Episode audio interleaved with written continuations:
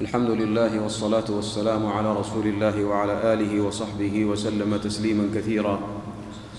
ومن ذلك أشراط الساعة مثل خروج الدجال ونزول عيسى بن مريم عليه السلام فيقتله وخروج, وخروج يأجوج ومأجوج وخروج الدابة وطلوع الشمس من مغربها وأشباه ذلك مما صح به النقل. وعذاب القبر ونعيمه حق. وقد استعاذ النبي صلى الله عليه وسلم منه وأمر به في كل صلاة. وفتنة القبر حق وسؤال منكر ونكير حق. والبعث بعد الموت حق وذلك حين ينفخ إسرافيل عليه السلام في الصور. فإذا هم من الأجداث إلى ربهم ينسلون. ويحشر الناس يوم القيامة حفاة عراة غرلا بهما فيقفون, فيقفون في موقف القيامة. حتى يشفع فيهم نبينا محمد صلى الله عليه وسلم ويحاسبهم الله تبارك وتعالى وتنصب الموازين وتنشر الدواوين وتتطاير صحف الأعمال إلى اليمين والشمائل. فأما من أوتي كتابه بيمينه فسوف يحاسب حسابا يسيرا وينقلب إلى أهله مسرورا. وأما من أوتي كتابه وراء ظهره فسوف يدعو ثبورا ويصلى سعيرا. والميزان له كفتان ولسان توزن به الأعمال. فمن ثقلت موازينه فأولئك هم المفلحون. ومن خفت موازينه فأولئك الذين خسروا أنفسهم في جهنم خالدون. ولنبينا محمد صلى الله عليه وسلم حوض في القيامة. ماؤه أشد بياضا من اللبن وأحلى من العسل وأباريقه عدد عدد نجوم السماء. من شرب منه شربة لم يظمأ بعدها أبدا. والصراط حق يجوزه الأبرار ويزل عنه الفجار. ويشفع نبينا صلى الله عليه وسلم في من دخل النار من أمته من أهل الكبائر. فيخرجون بشفاعته بعدما احترقوا وصاروا فحما وحمما فيدخلون الجنة بشفاعته. ولسائر الأنبياء والمؤمنين والملائكة شفاعات. قال تعالى ولا يشفعون إلا لمن ارتضى وهم من خشيته مشفقون. ولا تنفع الكافر شفاعة الشافعين. والجنة والنار مخلوقتان لا تفنيان فالجنة ماوى أوليائه والنار عقاب لأعدائه. وأهل الجنة فيها مخلدون. إن المجرمين في عذاب جهنم خالدون لا يفتر عنهم وهم فيه مبلسون. ويؤتى بالموت في صورة كبش أملح فيذبح بين الجنة والنار. ثم يقال يا أهل الجنة خلود ولا موت ويا أهل النار خلود ولا موت. ومحمد رسول الله بركه بسم الله الرحمن الرحيم. الحمد لله رب العالمين. وصلى الله وسلم وبارك على نبينا محمد وعلى آله وأصحابه أجمعين. أما بعد يقول المؤلف رحمه الله تعالى ومن ذلك أي مما يجب على العبد المؤمن الإيمان به واعتقاده وأن يعتقد ذلك مثل الشمس في رابعة النهار أشراط الساعة. اشراط الساعة أي علامات الساعة. فالعلامات التي تدل على اقتراب الساعة هي أشراطها مثل خروج الدجال وهو من الآيات العظيمة الكبرى وأشراط الساعة على نوعين نوع من الأشراط الصغرى التي تدل على اقتراب الساعة. منها بعثة النبي عليه الصلاة والسلام فإنه بعث عليه الصلاة والسلام وهو من أشراط الساعة. ولهذا جاء في الحديث بعثت أنا والساعة كهاتين وكادت أن تسبقني. هذا يدل على اقتراب الساعة لأن يوما عند ربك كألف سنة مما تعدون. والعلامات وغيرها من العلامات التي قد وقعت وبينها النبي عليه الصلاة والسلام. وعلامات الساعة وقوعها لا يدل على ذمها بل قد تكون مستحبة بل تكون نعمة لكنها من علامات الساعة التي تدل على اقترابها. وهي كثيرة ولا يزال ولا زالت في ازدياد وهي في الآخر أو في آخرها والعلم عند الله تعالى. أما العلامات الكبرى التي تعقبها أي تعقب العلامات الصغرى فهي إذا ظهر أولها فهي كخرزات انقطع سلكها فهي تتتابع. بعضها قريب من بعض.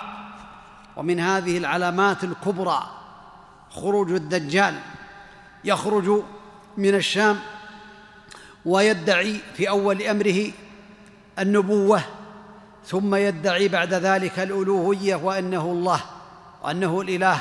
نسأل الله العفو والعافية. فهو دجال كذاب. ويقال له المسيح ويقال لعيسى بن مريم المسيح. لكن هذا مسيح الهدى أي مسيح عيسى بن مريم. وهذا مسيح الضلالة والكذب والدجل.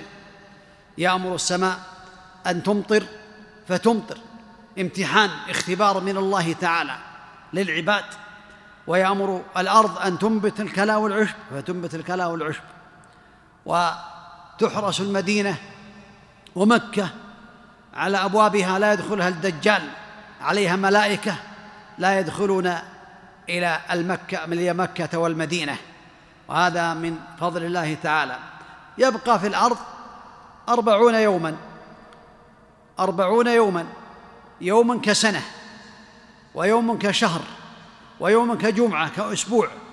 وسائر أيامه سبعة وثلاثين يوما كأيامنا هذه.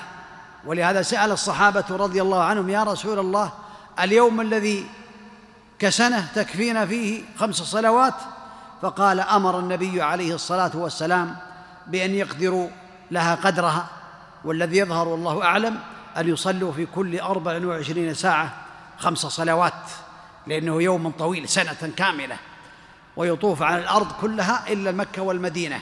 نسأل الله أن يعيذنا وإياكم من شره. ولعظمه ولعظم فتنته كان النبي عليه الصلاة والسلام يستعيد عليه الصلاة والسلام من فسح الدجال. ويأمرنا أن نستعيذ منه ومن فتنته قال إذا تشهد أحدكم فليستعذ بالله من أربع من عذاب جهنم ومن عذاب القبر ومن فتنة المحيا والممات ومن شر فتنة المسيح الدجال. وهو أعظم فتنة منذ خلق الله عز وجل السماوات والأرض إلى قيام الساعة. ما هناك فتنة مثل الدجال نسأل الله العافية. ولهذا حينما حذر عنه النبي عليه الصلاة والسلام أمر أن لا يؤتى إليه. إذا سمعت به فلا تاتي إليه وتعتمد على إيمانك بل اهرب منه لعله الا يدركك. نسأل الله العفو والعافية. ومن أدركه يقرأ عليه فواتح سورة الكهف فهو فتنة عظيمة. ونزول عيسى ابن مريم عليه الصلاة والسلام. بعد هذا الوقت أربعين يوما ينزل عيسى ابن مريم عليه الصلاة والسلام وهو لم يمت. عيسى لم يمت بل رفعه الله إليه سبحانه وتعالى فهو حي ولكن الله رفعه إليه. ينزل عيسى عليه الصلاة والسلام ويقتله يقتل الدجال وحينما يقتله يبقى في الناس يحكم بشريعة النبي محمد عليه الصلاة والسلام ولكنه لا يقبل الجزية.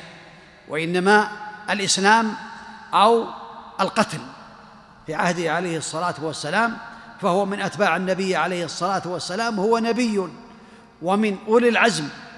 ومع ذلك هو من أتباع النبي عليه الصلاة والسلام في آخر الزمان يحكم بشريعة النبي محمد عليه الصلاة والسلام. ويخرج تخرج يأجوج ومأجوج يخرجون من قبل الصين وهذا وهي من أعظم الفتن وهم من أشر خلق الله تعالى. يأجوج ومأجوج يخرجون ويقتلون الناس ويسفكون الدماء ويمرون على بحيرة طبرية فيشربونها فيقال لقد كان في هذا المكان ماء لكثرتهم وفي نهايتهم يرون بأنهم قد أنهوا الأرض فيقاتلون أهل السماء ويرمون بالنبال إلى السماء ويتصورون بأن النبال ترجع إليهم وفيها دم. نسأل الله العفو والعافية. وبعد ذلك يهلكهم الله تعالى ويرسل عليهم النغف في رقابهم فيموتون عن بكرة أبيهم. فتنتن الأرض ويرسل الله تعالى طيرا طيورا تحملهم وتلقيهم حيث حيث شاء الله تبارك وتعالى. وخروج الدابة. الدابة دابة عظيمة تخرج في آخر الزمان وهي من العلامات الكبرى التي بينها الله تبارك وتعالى في قران وبينها النبي صلوات الله وسلامه عليه. دابة عظيمة تخرج على الناس وطلوع الشمس من مغربها هذا من العلامات الكبرى. وأشباه ذلك مما صح به النقل عن النبي صلوات الله وسلامه عليه. هذه من العلامات الكبرى. من العلامات الكبرى خروج المهدي في آخر الزمان فإنه يقال له بأنه من أهل الإيمان وأهل التقوى اسمه كاسم النبي عليه الصلاة والسلام وخلقه شبهه كشبهه عليه الصلاة والسلام ولكنه ليس كالمهدي الذي تدعيه الرافضة الذي في السرداب. فإن ذاك مهدي الضلالة وهذا مهدي الهدى وهذا مهدي الحقيقة وذاك مهدي الكذب والزور والبهتان. يقولون بأنه في السرداب وليس هناك أحد وإنما يعبدون عدما نسأل الله العفو والعافية. ومن هذه العلامات الكبرى خسف بالمشرق وخسف بالمغرب وخسف بجزيرة العرب. ولهذا بين النبي عليه الصلاة والسلام هذه الآيات العشر ولكن إذا طلعت الشمس من مغربها فلا تقبل التوبة. يغلق باب التوبة وهي الآية العظيمة. فإذا طلعت الشمس من المغرب قفلت التوبة. لا تقبل توبة العاصي ولا يقبل إسلام الكافر. نسأل الله العفو والعافية. وغير ذلك مما صح به النقل من في كتاب الله تعالى وفي سنة النبي عليه الصلاة والسلام. وعذاب القبر ونعيمه حق وهو في البرزخ. بعد الموت الناس يعذبون في قبورهم إن كانوا من أهل النفاق والكفر. والعناد والعياذ بالله تعالى وأهل الإيمان ينعمون في قبورهم ويحصلون على النعيم العظيم كما بين النبي عليه الصلاة والسلام نسمة المؤمن طائر يعلق في أشجار الجنة حتى يرجعه الله تعالى إلى جسدها يوم يبعثه. قال عن الشهداء أرواح الشهداء في أجواف طير خضر تأوي إلى قناديل معلقة بالعرش. هذا يدل على نعيم البرزخ الذي هو الحياة البرزخية بعد الموت قبل يوم القيامة. ونعيم القبر ثابت بالكتاب وبالسنة وبإجماع أهل السنة والجماعة فهو حق لا شك فيه. من شك فيه فهو يكون كافرا والعياذ بالله تعالى. وقد استعاذ النبي عليه الصلاة والسلام منه وأمر به في كل صلاة. قال إذا تشهد أحدكم فليستعذ بالله من عذاب القبر ومن فتنة المحيا والممات فليستعذ بالله من أربع من عذاب جهنم ومن عذاب القبر ومن فتنة المحيا والممات ومن شر فتنة المسيح الدجال. فالمسلم عليه أن يسأل الله تعالى أن يعيده من عذاب القبر. نسأل الله العفو والعافية في الدنيا والآخرة وهو ثابت بالكتاب والسنة وإجماع أهل العلم. وكذلك فتنة القبر وهي سؤال منكر منكر ونكير. يسألان العبد من ربك ما نبي من نبيك ما دينك؟ فالمؤمن يقول ربي الله ودين الإسلام ونبي محمد صلى الله عليه وسلم. والفاجر والكافر يقول ها ها لا أدري. سمعت الناس يقولون شيئا فقلته. فيقال له لا دريت ولا تليت ويضرب بمطرقة من حديد. لو ضرب بها جبل كان ترابا ثم يضيق عليه قبره حتى تختلف فيه أضلاعه ويقول ربي أقم الساعة ربي لا تقيم الساعة ربي لا تقيم الساعة لما علم من العذاب في الآخرة ويفتح له باب إلى النار وباب إلى الجنة فيقال انظر إلى مقعدك من النار انظر إلى مقعدك من الجنة لو أطعت الله أبدلك الله بهذا وأما المؤمن فإنه حينما يقول ربي الله ودين الإسلام ونبي محمد صلى الله عليه وسلم يفسح له في قبره مد البصر ويفتح له باب إلى النار وباب إلى الجنة ويقال انظر إلى مقعدك من النار. لو عصيت الله أبدلك الله بهذا فيقول رب أقم الساعة رب أقم الساعة كيما أرجع إلى أهلي ومالي. لأن الإنسان إذا قامت الساعة ودخل الجنة جمع الله تعالى بينه وبين أحبابه وبينه وبين ذريته الذين من أهل الجنة ووالديه وأقربائه لأن هذا من زيادة النعيم في جنات النعيم. أما من كان في النار فهو الفراق الأبدي نسأل الله العفو والعافية. ويأتيه رجل طيب الريح طيب المنظر فيقول من أنت؟ وجهك الذي يجيب الخير. ويبشر بالخير فيقول أبشر أنا عملك الصالح. فوالله لقد علمت أنك سريعا إلى طاعة الله تعالى بطيئا عن معصية الله. فأبشر بالذي يسرك. فهو جليسه في قبره أنيسه وأما الفاجر والكافر فيأتيه رجل كريه المنظر كريه الرائحة فيقول من أنت؟ وجهك الذي يجوب بالسوء قل أنا أنا عملك. أبشر بالذي يسرك. فوالله إني قد علمت أنك بطيئا في طاعة الله سريعا إلى معصية الله تعالى. نسأل الله أن يعافينا وإياكم. والبعث بعد الموت بعد هذه الحياة البرزخية التي يعيشها الناس في قبورهم من عهد آدم إلى قيام الساعة وهم في قبورهم ومن ورائهم برزخ إلى يوم يبعثون. فالناس الآن في قبورهم ينعمون أهل الطاعة وأهل الإيمان ينعمون في قبورهم أرواحهم تنعم في الجنة ولها اتصال بهذه الأجساد التي قد بليت إلا عجب الذنب بذر. يبقى عجب الذنب في القبر لا يبلع ولهذا ينبتون فيه يوم القيامة حينما يبعث الله تعالى العباد والبعث بعد الموت حق وذلك حين ينفخ ينفخ إسرافيل عليه السلام فإذا هم من الأجداث إلى ربهم ينسلون.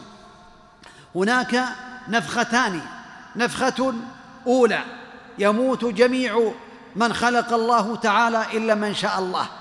ونفخ في الصور ففزع من في السماوات ومن في الأرض إلا من شاء الله. ثم نفخ فيه أخرى فإذا هم قيام ينظرون. النفخة الأولى حينما ينفخ إسرافيل في قرن في قرن من نور يموت جميع من خلق الله عز وجل إلا من شاء الله وهم يموتون جميعا. بعد ذلك كما قال الله تعالى كل شيء هالك إلا وجهه فالله تعالى قال إلا من شاء الله ثم نفخ في أخرى ويقال بعد أربعين سنة. ثم نفخ في أخرى فإذا هم قيام ينظرون ينزل مطر من السماء تنبت بعد النفخة الأولى تنبت به أجساد العباد مطر غليظ كمن الرجال ينبتون من عجب الذنب في قبورهم حتى تكتمل أجسادهم. فإذا اكتملت نفخ إسرافيل النفخة الثانية فتخرج الأرواح وتعود إلى أجسادها. ويخرجون من قبورهم. وأول من ينشق عنه الأرض هو محمد عليه الصلاة والسلام. يخرج ينفض التراب عن رأسه صلوات الله وسلامه عليه. يخرجون من قبورهم حفاة عراة غرلا حتى قالت عائشة يا رسول الله الرجال والنساء. قال يا عائشة الأمر أعظم من ذلك. كون الإنسان إذا خرج من قبره خرجوا من قبورهم عراة لا ينظر بعضهم إلى بعض لهول الأمر ولما يعلمون من الأمور التي أخبر الله تعالى بها في يوم القيامة. نحن في الدنيا لو حصل زلزال أو براكين وخرج بعض النساء من بيوتهن عراة فإن الناس لا ينظر بعضهم إلى بعض للهلع والفزع الذي حصل لهم فكيف بمن يخرجون من قبورهم وهم يخشون أن يكونوا من الأشقياء والعياذ بالله تعالى ولا يدرون ما الذي يحصل لهم وأمامهم يوم عظيم يعرقون فيه ويقفون أمام الله أمام الله تبارك وتعالى. ويحاسبهم الله تبارك وتعالى وتنصب الموازين وتنشر الدواوين وتتطاير الصحف الأعمال إلى صحف الأعمال إلى الأيمان والشمائل.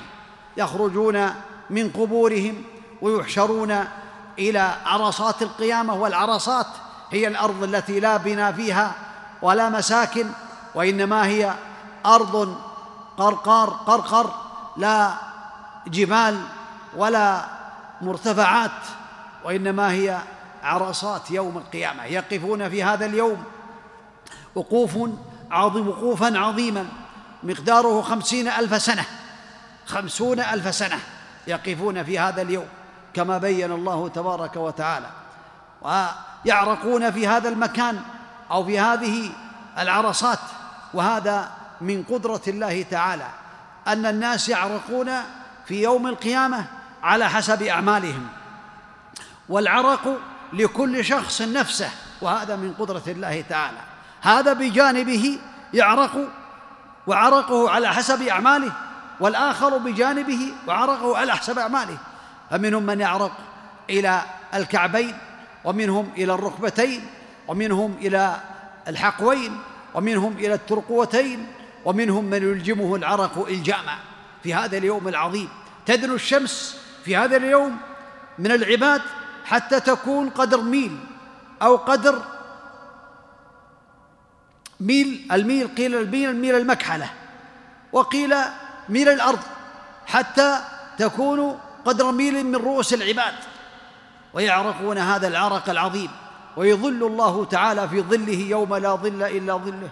أناس كثيرون منهم السبعة الذين بينهم النبي صلوات الله وسلامه عليه. وبهذا اليوم تتطاير الصحف وتنشر الدواوين وتتطاير الصحف إلى الأيمان وإلى الشمائل وهذا أمر عظيم. فأما من أوتي كتابه بيمينه فسوف يحاسب حسابا يسيرا وينقلب إلى أهله مسرورا. وأما من أوتي كتابه وراء ظهره فسوف يدعو ثبورا ويصلى سعيرا. والميزان له كفتان حقيقيتان ولسان يوزن به توزن به أعمال العباد. فمن ثقلت موازينه فأولئك هم المفلحون. ومن خفت موازينه فأولئك الذين خسروا أنفسهم في جهنم خالدون. إذن يجب على المؤمن أن يؤمن بذلك وأنه يحصل لا محالة وأنه قريب. والله تعالى هو الذي يعلم قربه سبحانه وتعالى. ولنبينا عليه الصلاة والسلام في هذا الموقف حوض. طوله شهر أي مسيرة شهر وعرضه شهر أي مسيرة شهر طوله كعرضه ماؤه أحلى من العسل وأبيض من اللبن ريحه أطيب من ريح المسك من شرب منه شربة لا يظمأ بعدها أبدا كيزانه أي آنيته عدد نجوم السماء. يرد عليه أمة النبي صلوات الله وسلامه عليه ومنهم من يذاد عنه ويطرد فيقول النبي عليه الصلاة والسلام أصحابي أصحابي. وفي رواية يقول أمتي أمتي. فيقول يقال للنبي عليه الصلاة والسلام حينما تذودهم الملائكة إنهم أحدثوا بعدك بدلوا. فقال سحقا لمن غير بعدي وبدل سحقا له ثم سحقا. نسأل الله العفو والعافية.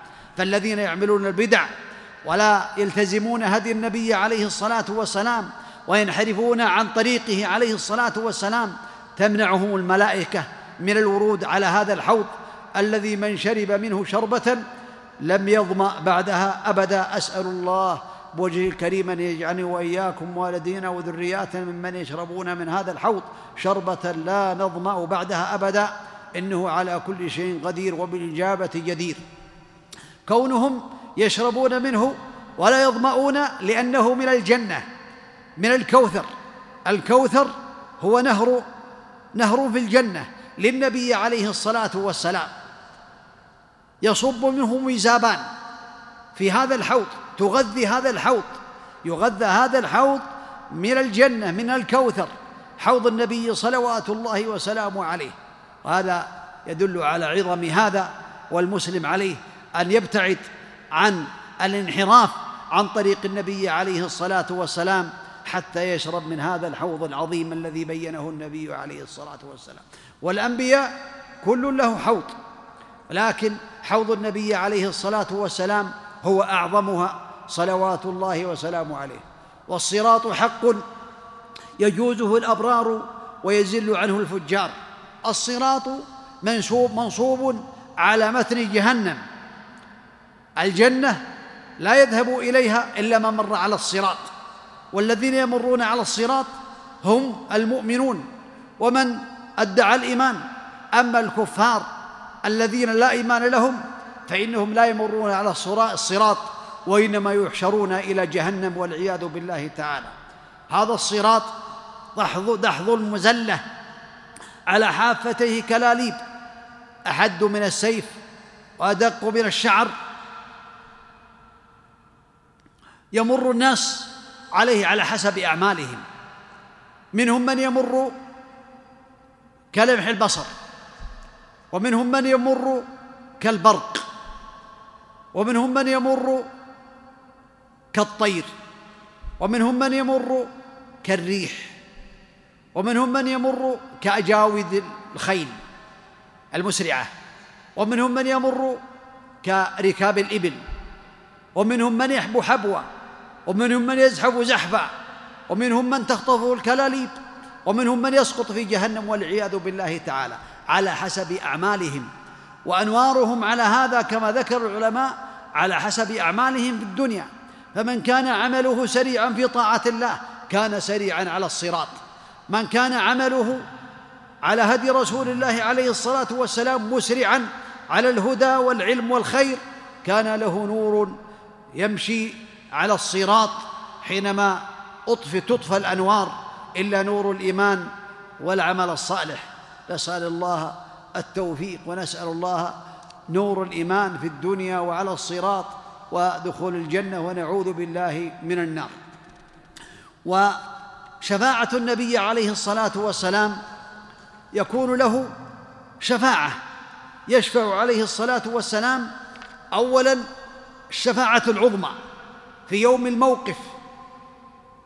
المقام المحمود حينما يقف الناس الكفار والمؤمنون في هذا اليوم الذي مقداره خمسين ألف سنة يفزع الناس إلى آدم ويسألونه الشفاعة.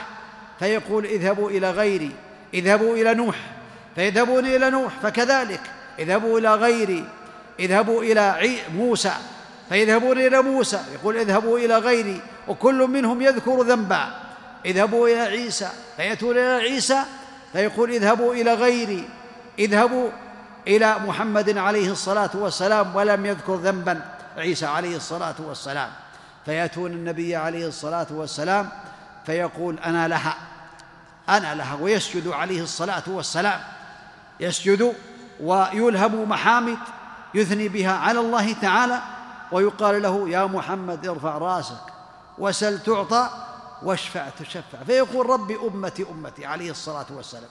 فيفصل بين العباد يشفع في فصل القضاء بين العباد حتى يفصل الله تعالى القضاء بين الناس المؤمنين والكفار. عليه الصلاة والسلام. وهذا هو المقام المحمود. وله شفاعة أخرى هذه خاصة به الشفاعات الخاصة بالنبي عليه الصلاة والسلام ثلاث.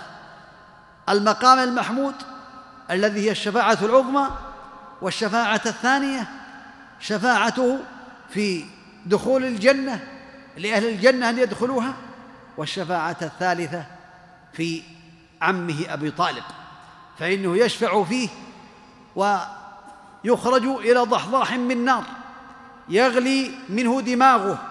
ولولا النبي عليه الصلاة والسلام لكان في قعرها. ولكنه استفاد من شفاعة النبي عليه الصلاة والسلام فهو في ضحضاح. نسأل الله العافية يغلي منه دماغه. نسأل الله العفو والعافية لأن الله لا يقبل الشفاعة في الكافرين إلا في أبي طالب في تخفيف العذاب عنه. وأما شفاعة الشفاعة العامة للنبي عليه الصلاة والسلام فهي للملائكة للنبي عليه الصلاة والسلام وللملائكة وللأفراط وللمؤمنين وللأنبياء والصالحين كل له شفاعة تقبل شفاعتهم في أهل المعاصي. في من استحق النار ألا يدخلها وفي من دخلها أن يخرج منها وفي قوم تساوت حسناتهم وسيئاتهم وفي رفع درجات بعض المؤمنين في جنات النعيم. فالنبي عليه الصلاة والسلام يشفع يشفع في هذه الشفاعة العامة التي يشرك معه فيها غيرها غير الشفاعة الخاصة عليه الصلاة والسلام. فيشفع أربع شفاعات. يشفع في من كان في من أهل النار قد دخلها فيحد له حدا. ثم يشفع ويخرج. ثم يشفع ويحد له حدا. ثم يشفع ويحد له حدا. والشفاعة الرابعة يحد له حدا. يخرجون من النار ومنهم من قد امتحش كالحمم. نسأل الله العافية. قد أكلتهم النار. لم يبقى إلا موضع السجود. لم يبقى إلا موضع السجود. ثم يلقون في نهر يقال له نهر الحياة. فينبتون كما تنبت الحبة في حميل السيل أي في طرف السيل. ثم يدخلون الجنة بعد ذلك. هؤلاء أصحاب الكبائر الذين لم يتوبوا ولم يعفو الله تعالى عنهم سبحانه وتعالى. ولسائر الأنبياء والمؤمنين والملائكة شفاعات. قال تعالى ولا يشفعون إلا لمن ارتضى وهم من خشيته مشفقون. ولا تنفع الشفاعة الكافرين. كما تقدم ولا شك أن الشفاعة لا تقبل إلا بالشرطين إذن الله للشافع أن يشفع. والشرط الثاني أن يرضى الله عز وجل عن الشافع والمشفوع له. فإذا رضي عن الشافع والمشفوع له قبل الشفاعة في لأهل الشفاعة. والجنة والنار مخلوقتان هما بعد الصراط بعد أن يتجاوز الناس الصراط المؤمنون نجوا. لكن هناك قنطرة بين الجنة والنار يقف عليها المؤمنون يقتص لبعضهم من بعض ويهذبون ويخرج ما في نفوسهم عن بعضهم.